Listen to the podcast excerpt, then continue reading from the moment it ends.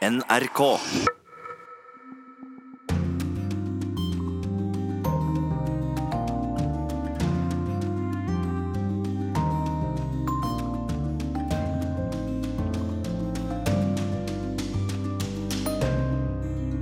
Spionasjedømte Frode Berg er på et trygt sted i Litauen, uvisst når han lander på norsk jord. Jeg har for tiden på en trygg plass i Litauen for å roe ned, slappe av og komme til hektene.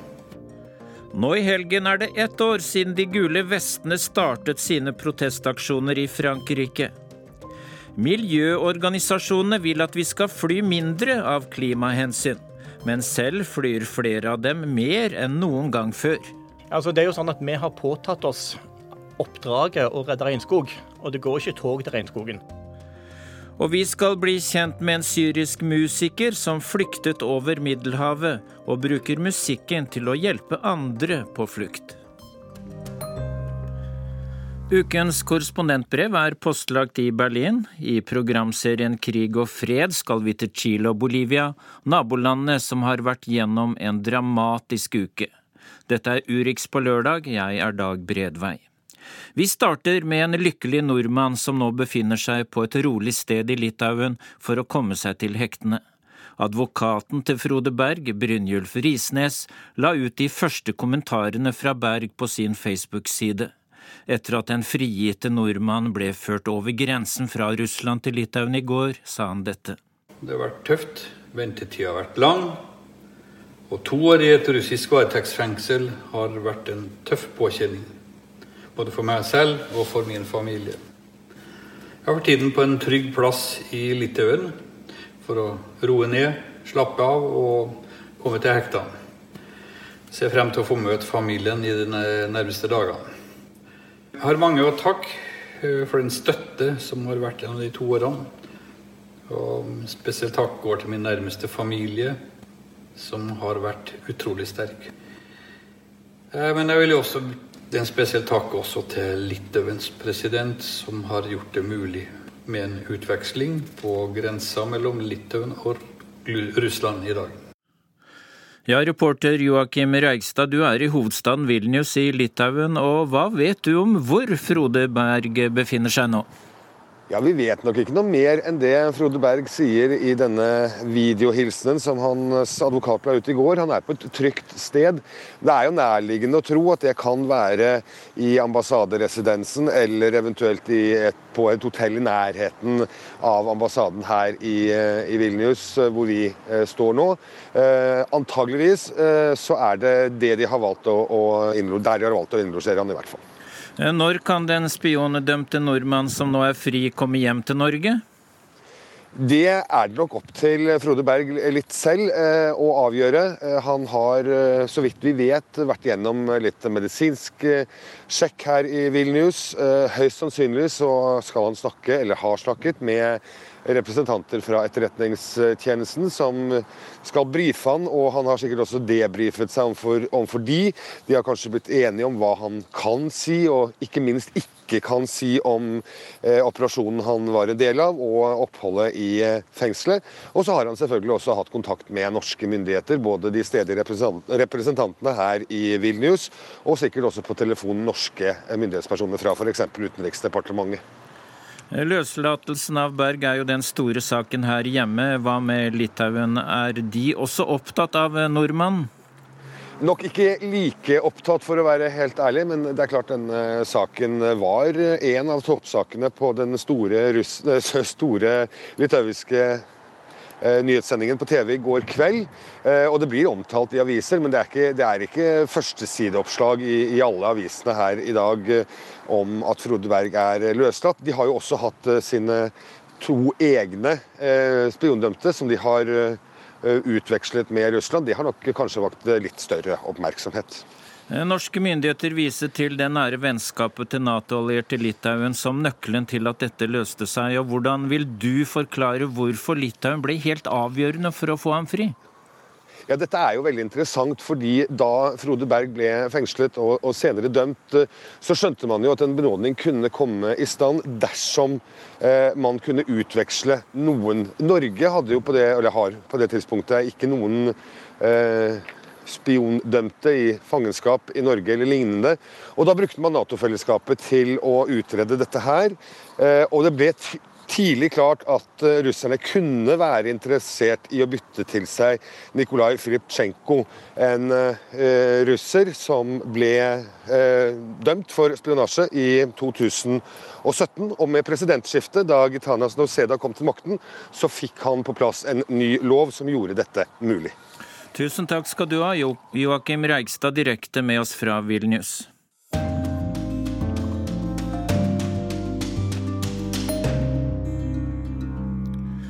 Det har alltid vært lite miljøvennlig å fly, men det er først det siste året at det virkelig snakkes om.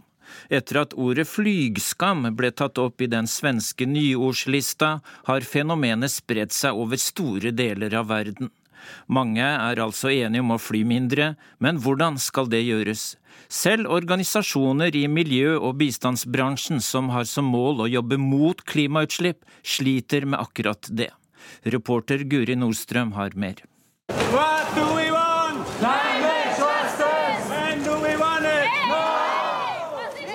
På Tegel-flyplassen i Berlin har 150 klimaaktivister barrikadert seg.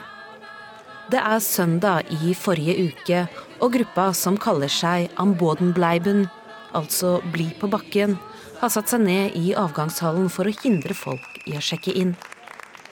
Flyplassen, som skulle ha vært nedlagt i 2012, er viden kjent for sitt daglige kaos med altfor mange passasjerer på altfor liten plass. Nå skaper demonstrantene enda mer misnøye blant dem som skal fly.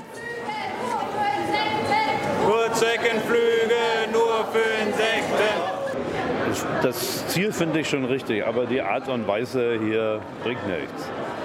Jeg støtter saken, men måten dette gjøres på er håpløs, fordi den irriterer folk som skal ut og fly i dag.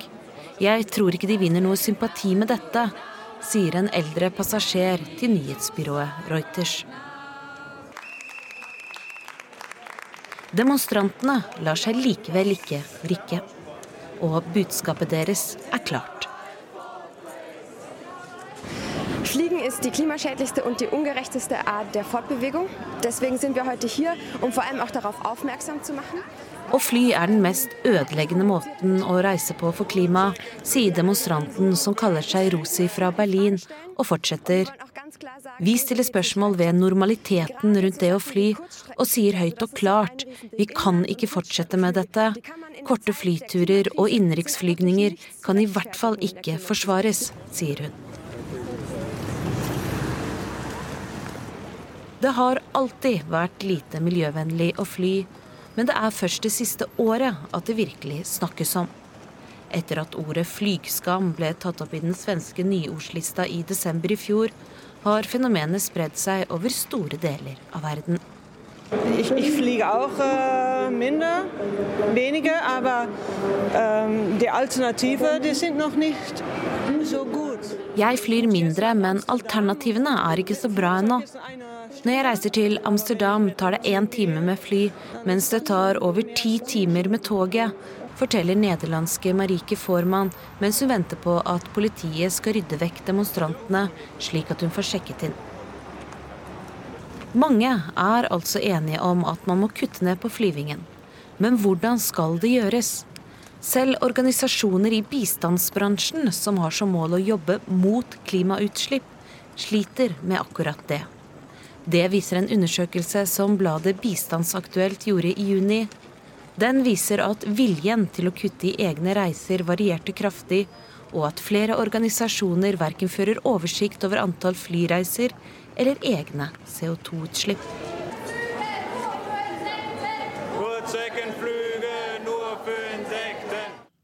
Ja, vi hørte at viljen til å kutte egne reiser varierer kraftig blant miljø- og bistandsorganisasjonene. Flere fører ikke engang oversikt over antall flyreiser eller egne CO2-utslipp. Norad fører ikke regnskap over sine utslipp, viser rundspørringen som Bistandsaktuelt har gjort. I Norad flyr ansatte til Afrika i gjennomsnitt tre ganger hver uke. Verdens naturfond, WWF, kom best ut i rundspørringen. Ansatte i Regnskogfondet derimot flyr dobbelt så mye som for fem år siden. Dette er ikke bra nok, sier generalsekretær Øyvind Eggen. Ja, altså Dette er jo ikke noe hyggelig å snakke om, egentlig. Fordi vi flyr vesentlig mer enn før. Eh, det skyldes at vi har vokst og vi har økt aktiviteten veldig mye de siste fem årene. Sånn at vi redder jo mye mer regnskog enn før. Men prisen for det er altså at vi flyr mer. Og det nytter ikke, vet jeg godt, å, å bare skylde på at vi gjør dette for et godt formål. Vi har en like stor ansvar som andre for å redusere det vi kan. Men du mener dere har en bedre grunn til å fly enn andre? Altså, det er jo sånn at Vi har påtatt oss oppdraget å redde regnskog. Og det går ikke tog til regnskogen. Og vi kan nesten ikke gjøre det uh, uten at vi flyr ganske ofte. I tillegg er det sånn at vi har valgt en ganske kostnadseffektiv modell for vårt arbeid, som innebærer at vi de fleste steder vi jobber, ikke har egne kontorer, men gir støtte til andre for å gjøre jobben. Og Det krever mer oppfølging, mer reiser. Eh, og Da har vi egentlig det dilemmaet det at det som sparer oss for penger, og som gjør dermed at vi kan få litt mer regnskogbevaring for pengene, er det samme som gjør at vi må fly litt mer. I 2013 så hadde Regnskogfondet 90 interkontinentale tur-returreiser mot hele 176 i 2018. Og burde ikke trenden vært stikk motsatt? Den burde strengt tatt det. Vi har vokst veldig siden den gang, og vi har veldig mye mer aktivitet. Eh, og fjoråret var for så vidt òg spesielt, altså uten at jeg kan skylde for mye på dette. Eh, men altså, flygingen burde gått nedover hos oss som hos andre, og det har vi ikke klart. Mm. Karoline Andauer, du er eh, fungerende generalsekretær. Og er dere i Verdens naturfond opptatt av dette ordet flyskam som er kommet på moten? Vi er ikke så veldig opptatt av ordet skam, som vi føler ofte blir feil brukt. Men vi er veldig opptatt med hvordan vi kan bidra til å få ned utslippene. Eh, for når en ofte snakker om å fly, så handler det jo om at å fly er en klimaversting. Eh, og når vi vet hvor dårlig tid vi har med å få ned utslippene, så må alle se på hvordan de kan bidra der. Tingen er jo flyr du mindre, så har du mindre utslipp. Mm, dere kom best ut i rundspørringen til Bistandsaktuelt og har redusert CO2-utslippene fra flyreiser langt mer enn andre. Og hva gjør dere konkret? Det er et resultat av et systematisk arbeid de ti siste årene, eh, som jeg begynte med lenge før ordet flyskam ble introdusert. Og det handla egentlig om å sette et karbonbudsjett. På samme måte som alle virksomheter setter et budsjett for hvordan man skal bruke penger, så satte vi et budsjett for hvordan vi kan slippe ut eh, karbon i forhold til å fly. Mm -hmm. Hva synes du om organisasjoner som ikke fører regnskap over CO2-utslippene i det hele tatt? Det syns jeg er altfor slapt. Eh, på samme måte som vi forventer at eh, byer og land, nasjoner, at de skal utføre, ha et karbonbudsjett på hvor mye de slipper ut og rapportere på det, så tenker jeg det at det er, bør alle få til. Og Så kan en ha en diskusjon om hvor høyt det skal være, hvor mye en trenger for å forvalte sin virksomhet på en god måte, og det vil alltid være ulikt. Og en har ulike tiltak en kan gjøre i hver enkelt eh, organisasjon, men ha et karbonbudsjett, det burde alle ha. Det vekker jo oppsikt at selv Norad ikke fører noen oversikt over CO2-utslippene de er ansvarlig for, og hva sier du til det, Øyvind Eggen? Nei, Det er for slapt det for dårlig. Selv de fleste bistands- og miljøorganisasjoner de fører i alle fall et regnskap. Eh, WWF går jo foran og jobber ordentlig med budsjett på karbonområdet. Eh, men det at Norad, som burde vært et slags normgiver på dette feltet, eh, at de er så dårlige, altså det er bare for dårlig. Men kan det være litt sånn at man føler i miljø- og bistandsorganisasjonen at målet helger midler? Fordi dere kjemper for noe som er bra for jordkloden, så har dere på en måte en større rett enn oss andre til å fly? Jeg tror det er en vanlig holdning. Jeg tror mange av de ansatte som flyr mye for en sånn god sak, er de samme som gjerne ikke vil fly langt på ferie.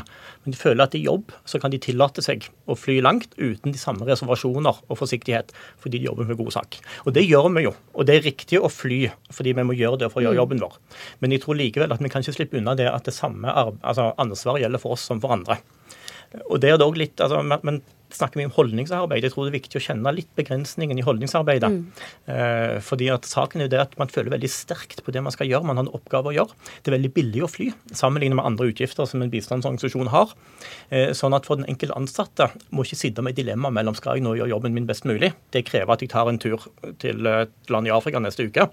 Eh, eller skal jeg tenke på, liksom, på, på miljø, på min egen mm. forbruk her. Og Der er det viktig at dette arbeidsgiveransvaret, det er et styringsgrep som må til. Og Det er der jeg tenker at WWF ligger foran, og Norad ligger bakerst. Mm. Skal jeg vise til et konkret eksempel vi har gjort? Vi har jo en reisepolicy eh, som alle ansatte skal kjenne til og følge. Når vi skal ut og fly, så er det første kriteriet sikkerhet. At du velger et eh, selskap som du flyr med, som er sikkert. Kriteriet nummer to, som i de aller fleste tilfeller er pris, er hos oss utslipp. Det henger sammen med at eh, de billigste billettene ofte har mange mellomlandinger for å komme dit du skal. Det betyr mer utslipp enn hvis du flyr direkte. Sånn at vi har tillatt at de ansatte flyr effektivt og velger det foran pris, for det er en måte å få ned utslippene per flytur. Og det sa fungerende generalsekretær i WWF, Caroline Andauer. Vi hørte også Øyvind Eggen, som er generalsekretær i Regnskogfondet. I morgen er det ett år siden protestbevegelsen De gule vestene startet sine demonstrasjoner rettet mot president Emmanuel Macron. Demonstrantene mener han ikke vet hvordan vanlige folk sliter i hverdagen. Dokumentarfilmskaperen Jean-Paul Julian har fulgt De gule vestene gjennom et helt år. Reporter Johan Tolgert har møtt filmskaperen og flere av De gule vestene. C'est sûr qu'on vivrait mieux avec un peu plus d'argent.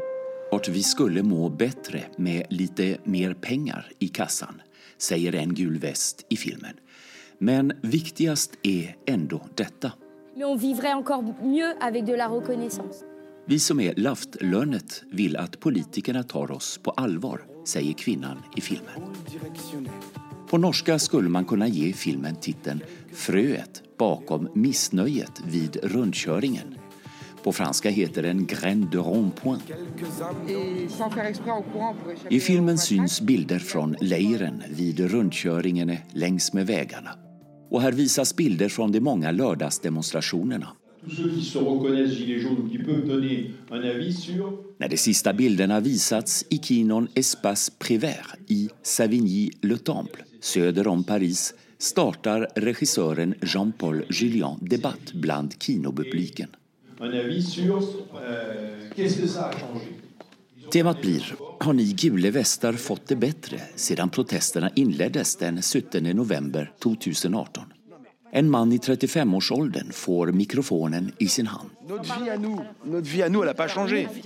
Når han sier at kjøpkraften ikke øket, nickar andre gule vester innstemmende.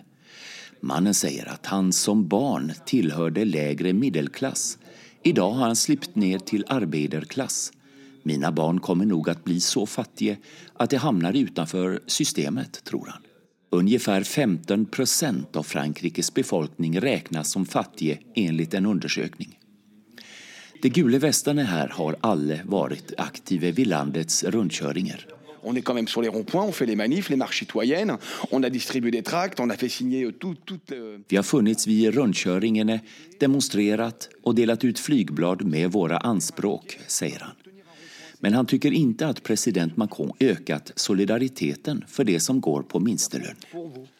Euh, Emmanuel Macron, il a rien posé, il a, il a, il a rien fait du tout. Emmanuel Macron har visserligen ikke gitt efter for de gule vestenes krav om medbestemmanderett, som i Sveits.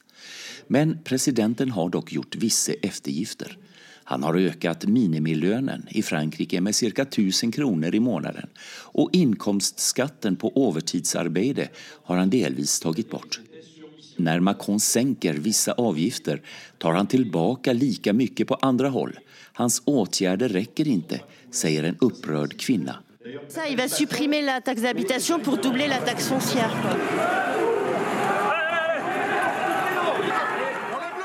Det våld som spridits via TV-bilder världen rundt i og med lördagsdemonstrationerna får mye liten plass i filmen. Og bland de gule västerna i kinon avfärdas våldet med at polisen i sin tur har skadet både demonstranter og journalister. Om seg selv sier de at de ikke er noen lørdagsbråkmakere. Vissa ledere i rörelsen ger numera råd til demonstranterna i Hongkong og i Barcelona. I dag organiserer De gule vestene nye demonstrasjoner i Frankrike. Men ikke nok med det. Den 5. desember forventes nye protester. Der skal også fagforeningene anslutte seg. Man befarer da over en million på boulevardene. De gule vestene her på kinon sier seg ikke være rädda. Vi har inget mer å forlore sier en kvinne, og tillegger vi kjenner dock at Macron er redd for oss. Monsieur Macron, le président, il commence à avoir peur. Efteråt prater jeg med Jean-Paul Julien, som står bakom filmen Fröet til missnöjet vid rundkjøringene'. Som dokumentærfilmere er han vel innsatt i fransk politikk siden flere decennier. Han tycker at Emmanuel Macron er en skicklig ledare i mångt og mye. Eh, Men samtidig har presidenten ikke forstått hvor svårt det som har dårlig betalt på jobbet, har det. Han er liksom uten forankring i deres virkelighet, mener regissøren. Og det kan få uanede konsekvenser i framtiden. Il connaît pas le peuple, il est hors sol. Tout peut arriver.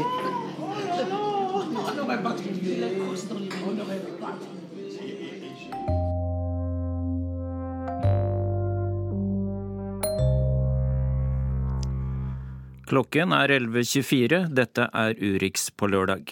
Nå skal vi treffe en ung syrer fra Homs som la bak seg en dramatisk reise før han kom til Norge. Med livet som innsats dro han sjøveien fra Libya til Europa. Manar al-Hasemi bruker musikken for å hjelpe andre på flukt. Korrespondent Sissel Wold har møtt ham i Istanbul.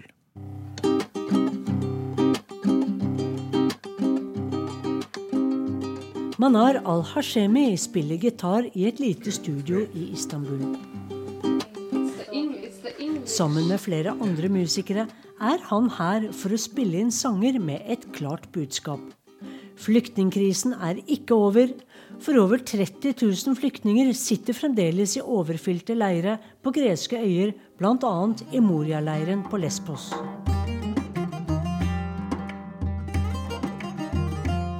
De må hjelpes. Det er budskapet.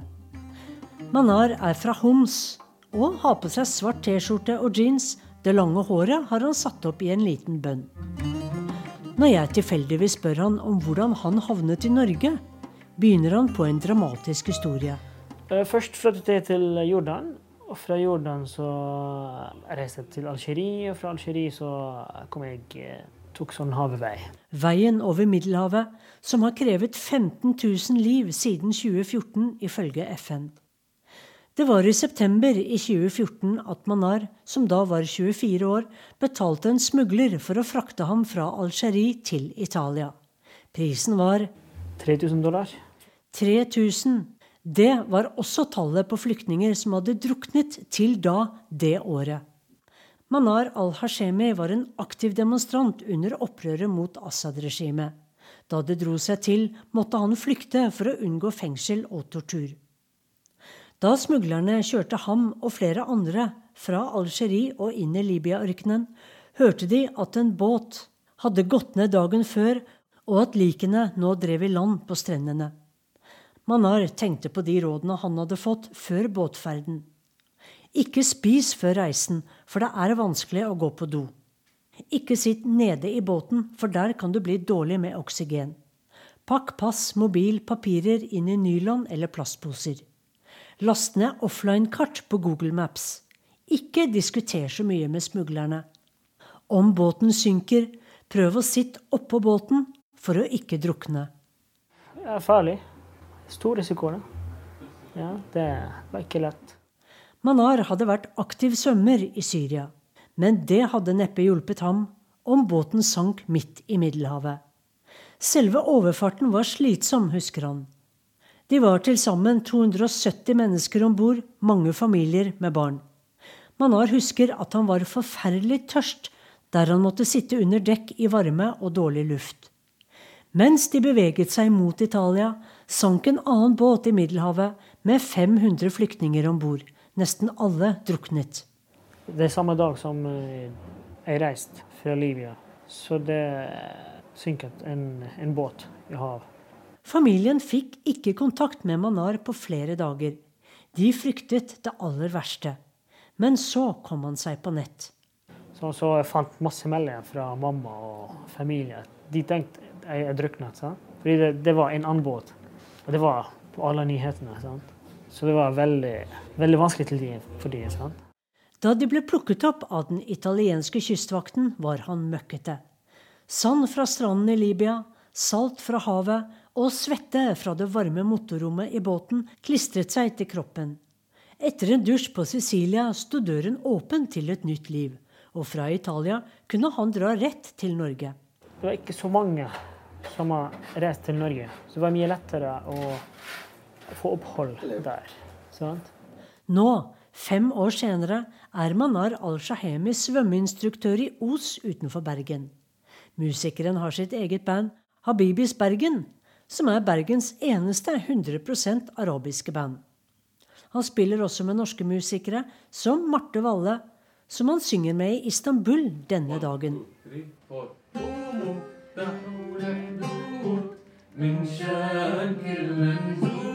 Sammen vil de gi flyktningene som sitter fast i leirene på Lesbos, en stemme, i regi av Erik Hillestad og Kirkelig kulturverksted. Manar, hvilken toneart går denne sangen i? Manar har funnet seg godt til rette i Norge. Vel, vel godt liv. Jeg jobber nå og lever et godt liv, det også. Og han irettesetter meg litt når jeg kaller ham flyktning. Jeg er utdannet musiker, og jeg jobber som svømmeinstruktør, sier han. For vi er ikke bare flyktninger, vi er mer enn det.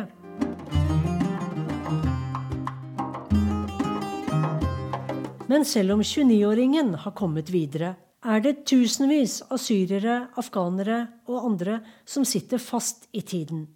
Nå håper han de hjelper å synge, for å minne om alle de tusen som er stuck i leire på greske øyer.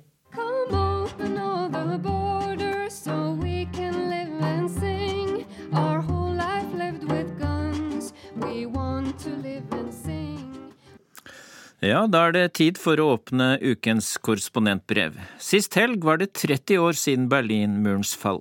Korrespondent Roger Severin Bruland tar oss med til barndommen og til det første møtet med muren som delte Berlin i to. Det er 1983. Jeg sitter i en blå Opel Ascona på vei til Berlin. Vi er seks personer i bilen. Foreldrene mine, yngstebroren min, mormor og onkel. Ferda går med Sten alene til Kiel, og så må vi gjennom korridoren i Øst-Tyskland til byen som er innestengt av en mur. Jeg er seks år gammel og bryr meg ikke så veldig om denne muren. Alt jeg veit, er at vi skal besøke Monica og Viktor. Monica har vært mye på ferie i Norge, får jeg vite. For det hadde vært krig i Tyskland, og byen ble helt ødelagt. Det var ingen bra stad for barn å være. Så for å gi dem en pause fra alt det vonde, ble de på 50- og 60-tallet sendt til andre land i Europa på sommerferie. Det jeg husker best fra turen, var omvisinga vi fikk med Heinz, faren til Monica. Han hadde vært soldat under krigen, og trulig overlevde han fordi han var tatt som krigsfange og satt i en fangeleir i USA mesteparten av krigen. Han hadde vært soldat, og trulig overlevde han fordi han var tatt som krigsfange og satt i en fangeleir i USA mesteparten av krigen. Jeg husker Heinz som en koselig eldre mann med hatt. Han elska å gjøre narr av Hitler, som han mente var en kronidiot. De voksne lo når han imiterte og gjorde narr av de høglytte talene til Adolf Hitler. Heinz kvidde seg ikke for å vise fram krigshistoria i Berlin.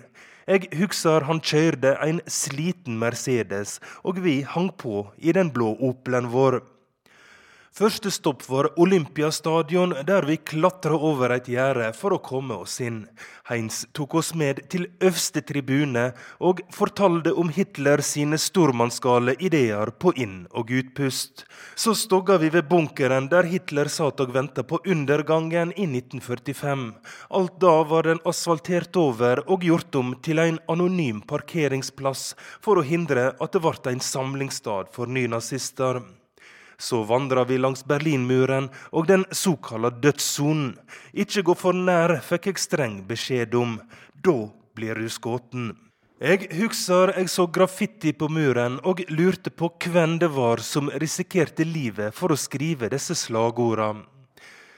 Ved Checkpoint Charlie besøkte vi et museum som fortalte fantastiske historier om flukten over muren.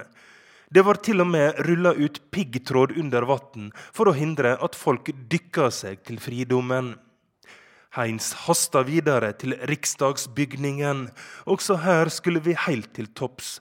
I flere rom ble det vist svart-hvitt-filmer fra andre verdenskrigen. En av filmene var fra østfronten. Da sa det stopp. Heinz begynte å gråte. Jeg spør mor mi hvorfor den gamle, koselige mannen er lei seg. Jeg får ikke noe fornuftig svar. I ettertid vet vi mer om PTSD. Posttraumatisk stressyndrom. Trauma fra en blodig krig hadde nok sett sine spor, og Heinz var ikke alene. Hele verden var jo mer eller mindre traumatiserte etter andre verdenskrigen. Men det var tyskerne som hadde tapt. Det var de som hadde skylda. Det var de som skulle leve med skamma. Vest-Berlin i 1983 var et etterkrigssamfunn. Soldater passa på kontrollposter, de satt på bussen og på kafeene.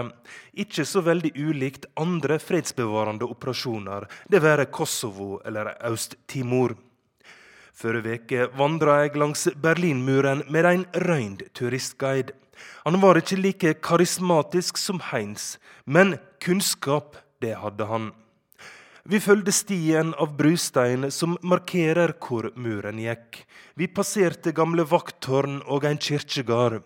Vesttysk politi skjøt minst fem grensevakter fra øst, forteller guiden meg. Det var nok at ei kule forvilla seg over muren, så ville de begynne å skyte tilbake fra andre sida. Det var en nervekrig, og partene ble etter hvert samde om å respektere grensa gjennom byen. Absolutt. Det førte til at leikende barn drukna i elva, for politiet torde ikke gripe inn og berge livet deres, forteller guiden medan vi vandrer videre. Berlin sentrum er fremdeles en byggeplass der det blir reist prangende praktbygg. Før muren og verdenskrigene var planen at Berlin skulle bli like berømt som London, Paris og New York. Byen skulle ha ti millioner innbyggere og bli et finansielt og politisk sentrum. Adolf Hitler og sjefarkitekt Albert Speer hadde enda større planer. De hadde ambisjoner om å regjere Europa og deler av verden fra Berlin. I stedet kom nederlaget og muren. Bankene lå tilfeldigvis i det som ble Øst-Berlin, så de flytta til Frankfurt. Viktige Berlinselskap som Siemens og AEG kunne heller ikke fungere optimalt i en så isolert by. Etter murens fall var Berlin en by med et folketall på godt under halvparten av ti millioner mennesker. Og det var så god plass her at det var nesten gratis å bo her, forteller guiden.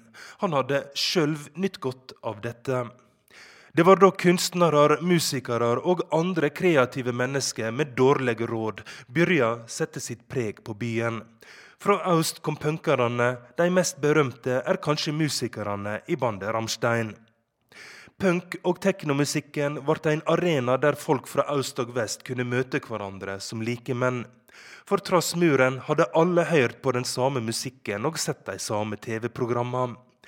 Guiden forteller det var bare en myte at en i øst ikke hadde lov til å se på vestlig fjernsyn. Og Vest-Berlin hadde de kraftigste TV-senderne i Europa som kringkasta vestlig kultur til de som levde bak jernteppet. 30 år seinere er bostadsprisene på vei opp, og Siemens har kommet attende til byen. Men det står at fremdeles mye arbeid for å gjenreise Berlin til det byen er meint å være, forteller guiden medan vi sier farvel.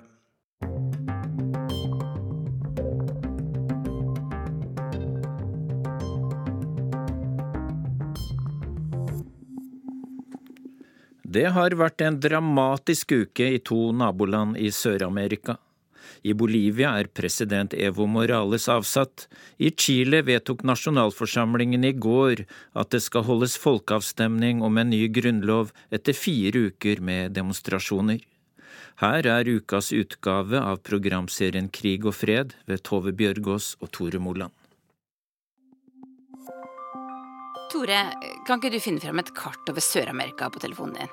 Absolutt. Jeg elsker kart. Finner du Chile?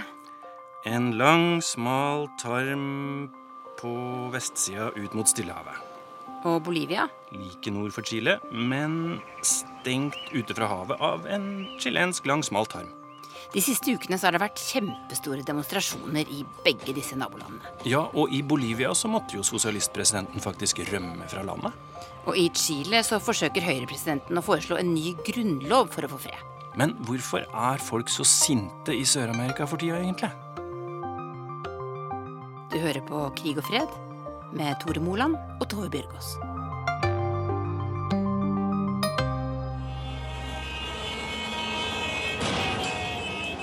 Det er for mange som sier at chilenerne har våkna. Jeg tror mange fant seg i og hadde virkelig tro på at, var, eh, at Chile var eksempel på eh, en god økonomi og vekst og Sånn som alle har snakka om, da.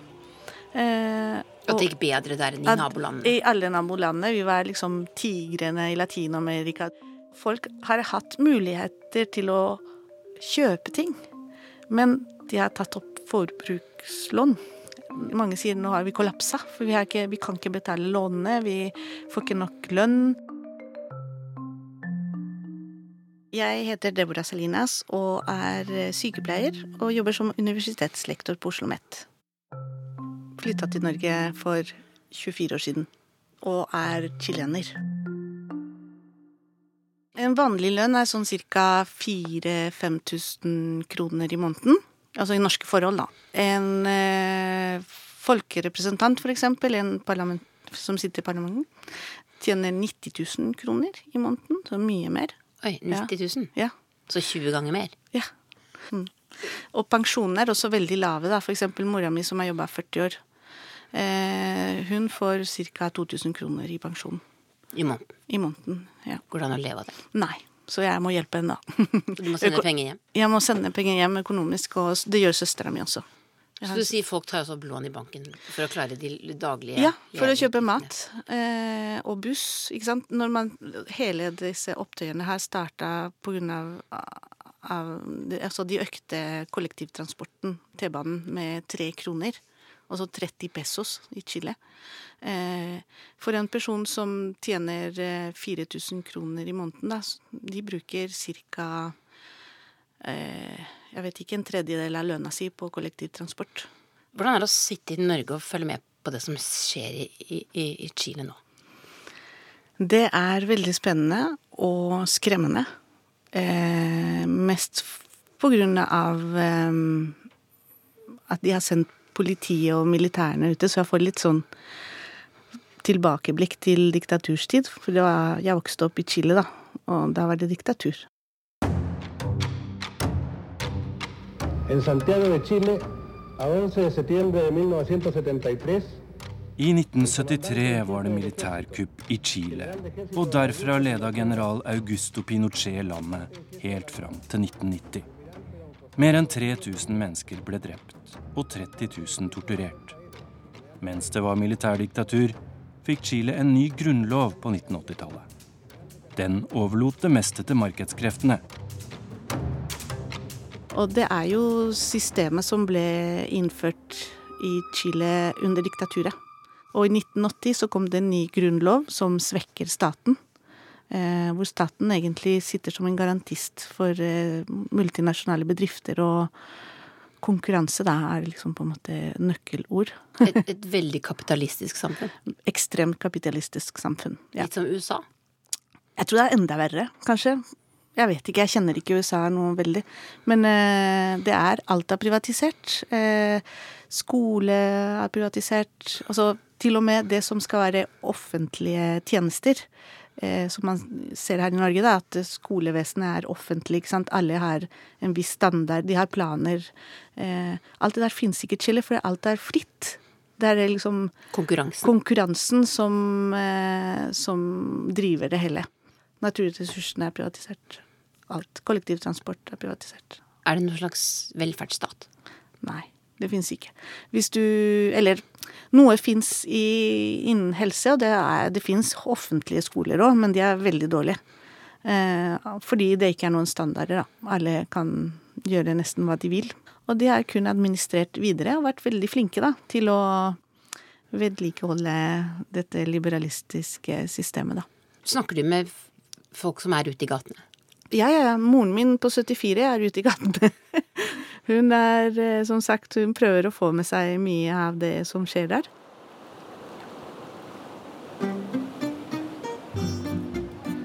Chile har 18 millioner innbyggere og er det rikeste landet i Sør-Amerika, regna i bruttonasjonalprodukt per innbygger.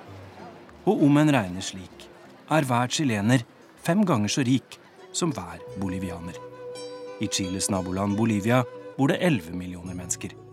Og til tross for den høyeste økonomiske veksten i regionen de siste åra, er landet fortsatt blant de fattigste i Latin-Amerika.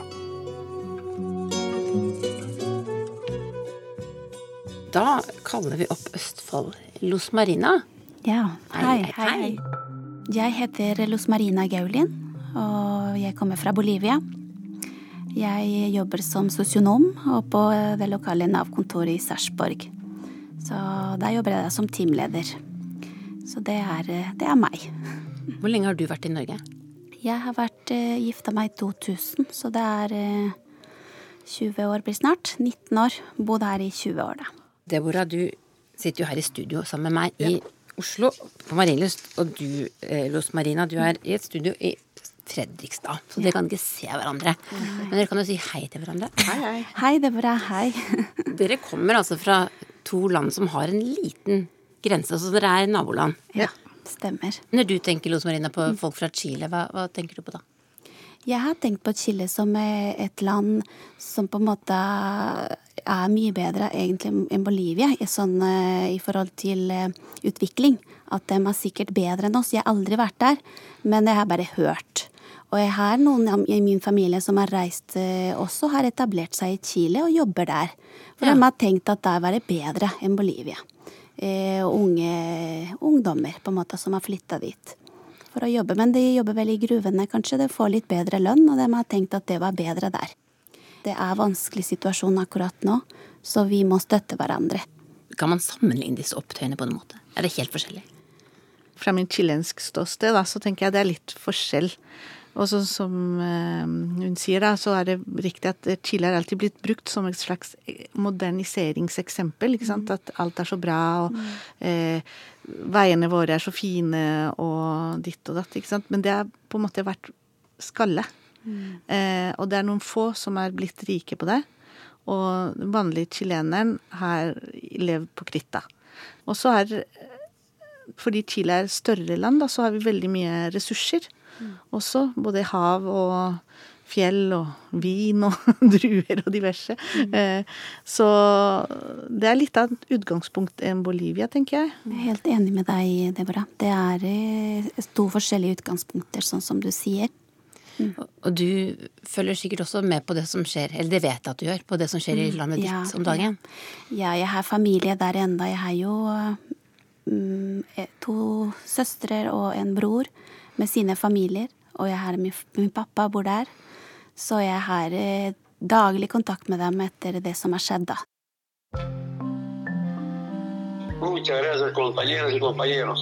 Evo Morales sier farvel til sitt folk før han flykter til Mexico.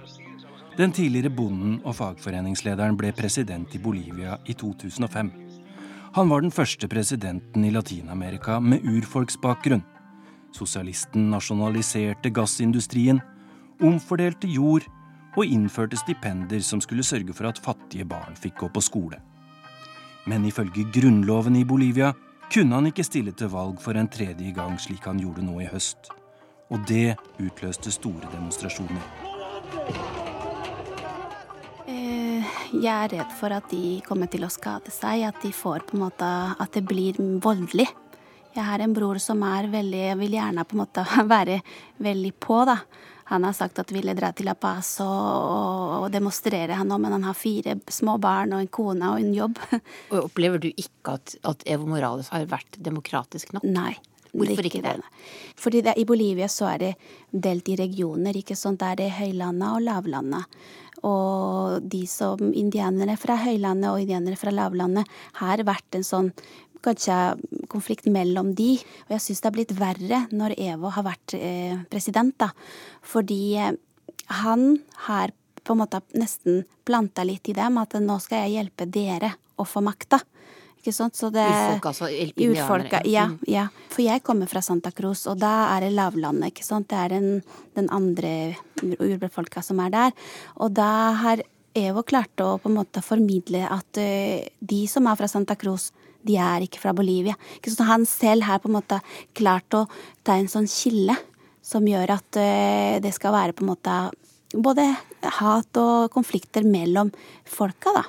Evo Morales han fikk jo veldig stor oppmerksomhet internasjonalt fordi han var den første presidenten som representerte urfolk i, i Bolivia.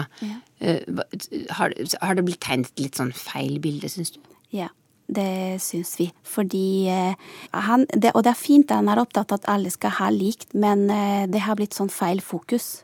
Så hva, hvordan har det f.eks. familien din i disse årene mens, mens Evo Morales har vært president, hvordan har de merket at ting har endret seg? Det de merka Eksempel på det nå, det er eh, vi har et sted som heter område som heter La Chiquitania. Og der er det fjellområde. Der det er eh, i grense til Amazonas, der vi har mye regnskog. Der eh, på en måte er egentlig det her er freda til å For at det skal ikke skjæres ned noen trær der. Det er jo Amazonas, ikke sant. Men der har han eh, gitt tillatelse til at eh, flere eh, mennesker da, fra høylandet flytter dit for å dyrke og skjære masse trær. Og det er tilbakemeldingen og bilder jeg har sett da, via min familie. Men eh, Luz Marena, Bolivia har jo vært eh, regnet, og det er vel fortsatt et av de fattigste Mm. landene i Sør-Amerika. Mm. Men samtidig så har det vært en ganske god utvikling under Mor- Morales, har det ikke det? Har ikke fått, mange fått det bedre? Nei, også det er et bilde som på en måte blir eh, vist på en måte utad. Eh, vi har mye gjeld fortsatt. Og de ressursene som eh, vi har, her, på en måte Det er ikke alltid vi vet hvor det er, for det er korrupsjon. Korrupsjon, eh, Deborah, i Chile? Ja, det er mye av det også. Så Chile hadde også Under diktaturet husker jeg det var mye snakk om at uh, uansett hvor slemme politiet var, så var de ikke korrupte. Så viser seg i ettertid, og det samme med Pinochet, da, at han var liksom generalen og hadde autoriteten og orden i landet og sånn. Så viser det seg at de var korrupte og ble beriket seg på, på chilenske folk. Eh, og de siste årene så er det fordi eh, privatsektoren da blir mer beskytta enn folkesektor eller offentlig, så har det blitt sånn at det er blitt avdekket en rekke korrupsjonsskandaler, annet med f.eks. Eh, dopapir. Noe så banalt som det. Det var noe prissamarbeid på dopapir, og istedenfor å for å dømme disse som var bak denne skandalen, de ble sendt på etikkurs. Så, folk syns det er litt eh, respektløs, med andre ord. Noe av problemet i Bolivia har vært at eh, Evo Morales, en av hans store kampsaker, var nettopp kamp mot korrupsjon. Eh, og så gjorde han da eh, et vedtak om at alle lønninger, inkludert presidentens og alle ministres og alle høyere funksjonærers lønninger, skulle skjæres ned ganske dramatisk. Og det gjorde jo at mange av disse funksjonærene så muligheten til å skaffe seg penger utenfra og utenfor eh, offentlige lønninger. Så paradoksalt nok har hans kamp mot høye lønninger ført til mer korrupsjon. I Chile er det en helt annen eh, virkelighet, hvor en av landets rikeste menn er president og omgir seg med folk som er vant til å bruke korrupte metoder. Så det er veldig forskjellige mekanismer, men resultatet begge steder er mye korrupsjon. Jeg heter Vegard By. Jeg har drevet med Latin-Amerika i ca. 40 år. Både som forsker, som eh, bistandsarbeider, som journalist, forfatter. Hvor er det du er akkurat nå, Vegard? Nå er jeg i Havana.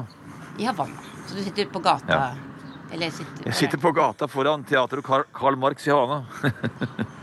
Hva sier folk der om det som skjer i, lengre sør på kontinentet?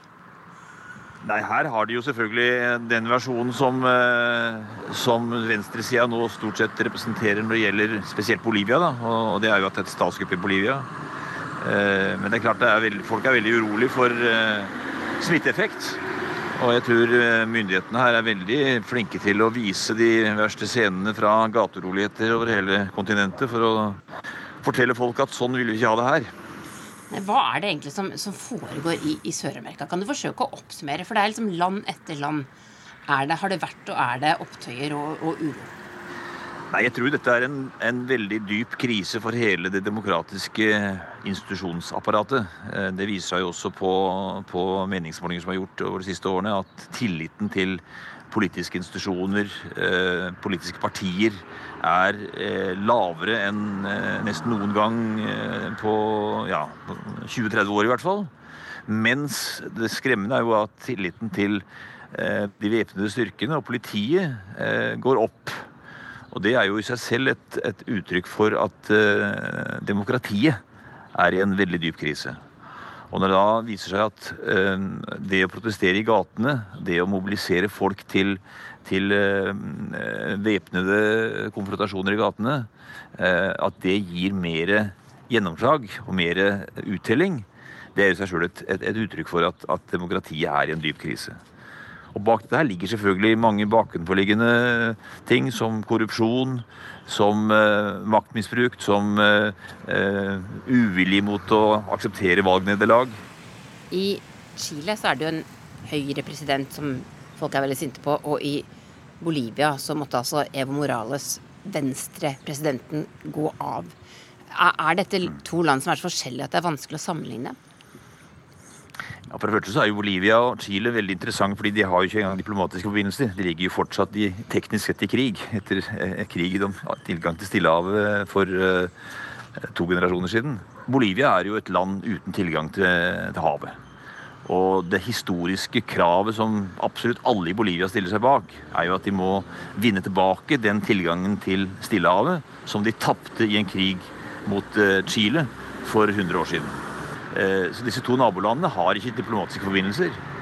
Eh, men, men, bortsett fra det så er jo dette to veldig forskjellige land. i den forstand at Bolivia er det eneste landet i Latin-Amerika med et indiansk flertall. Det er et av de fattigste land i Latin-Amerika. Mens Chile da har vært leda stort sett av en hvit eh, eh, politisk gruppering, enten det har vært høyre, høyre, eller venstre. Det er også sterke indianergrupper i, i, Chile, men de er jo en liten minoritet. Mens i, i Bolivia er de i flertall.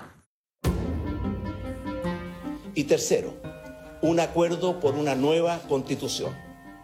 Chiles president Sebastian Piñera lover folket en ny grunnlov, og lover å dempe ulikhetene i landet. Men demonstrantene i Chile tror ikke han mener alvor. Piñera er en rik, Harvard-utdanna forretningsmann som eier en TV-kanal og flere selskaper. Han er president i Chile for andre gang.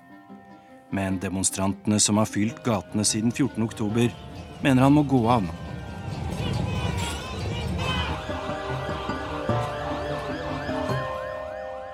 Det som er eh, forskjell fra nå og 30 år tilbake, da, det er at den generasjonen som starta det opptøyet her, har ikke opplevd diktaturet. Så de er ikke redd. De er ikke redde for, eh, for det som skjer. For politiet, for eh, De har, de et helt annet syn på, på autoriteter, da. Mm, enn det f.eks. jeg har, da. At jeg, bare jeg, får, jeg, ser en uniform, så reagerer jeg, da. Selv om jeg er sykepleier.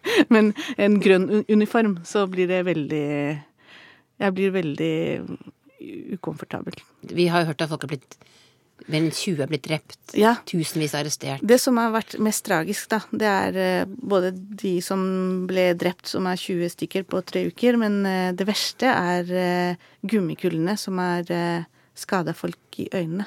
Det er ca. 200 personer som har mista synet.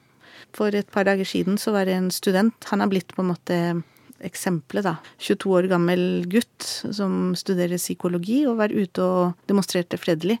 Så begynte politiet å skyte gummikuler, og han mistet begge øynene. Det er Det syns jeg er det verste, egentlig. Ja. De er unge mennesker som mm. vil ha en bedre framtid. Ja. Det er, selvfølgelig er det folk som gjør vandalisme, men det er veldig få, egentlig. Og det er mange som også av vanlige chilenerne, og det er veldig rart å si det, da, men som på en måte forstår det sinnet som, eh, som kommer fra slumområder, som aldri har hatt tilgang til skolegang eller helse eller at noen passer på dem. De har vokst opp på en måte i, i, i vold. Altså, samfunnet har ikke behandla dem godt. Og når eh, opptøyer starter, så er de de første frem og ødelegger ting, da. Hva skal myndighetene i Chile gjøre?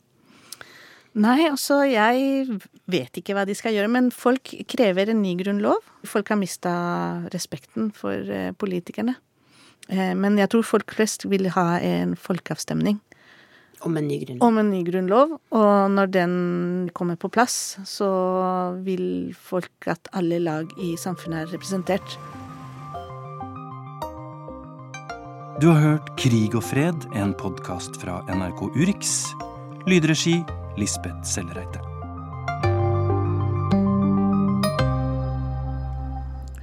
Urix på lørdag er straks slutt. Vi minner om en kortversjon av sendingen klokken 16.30.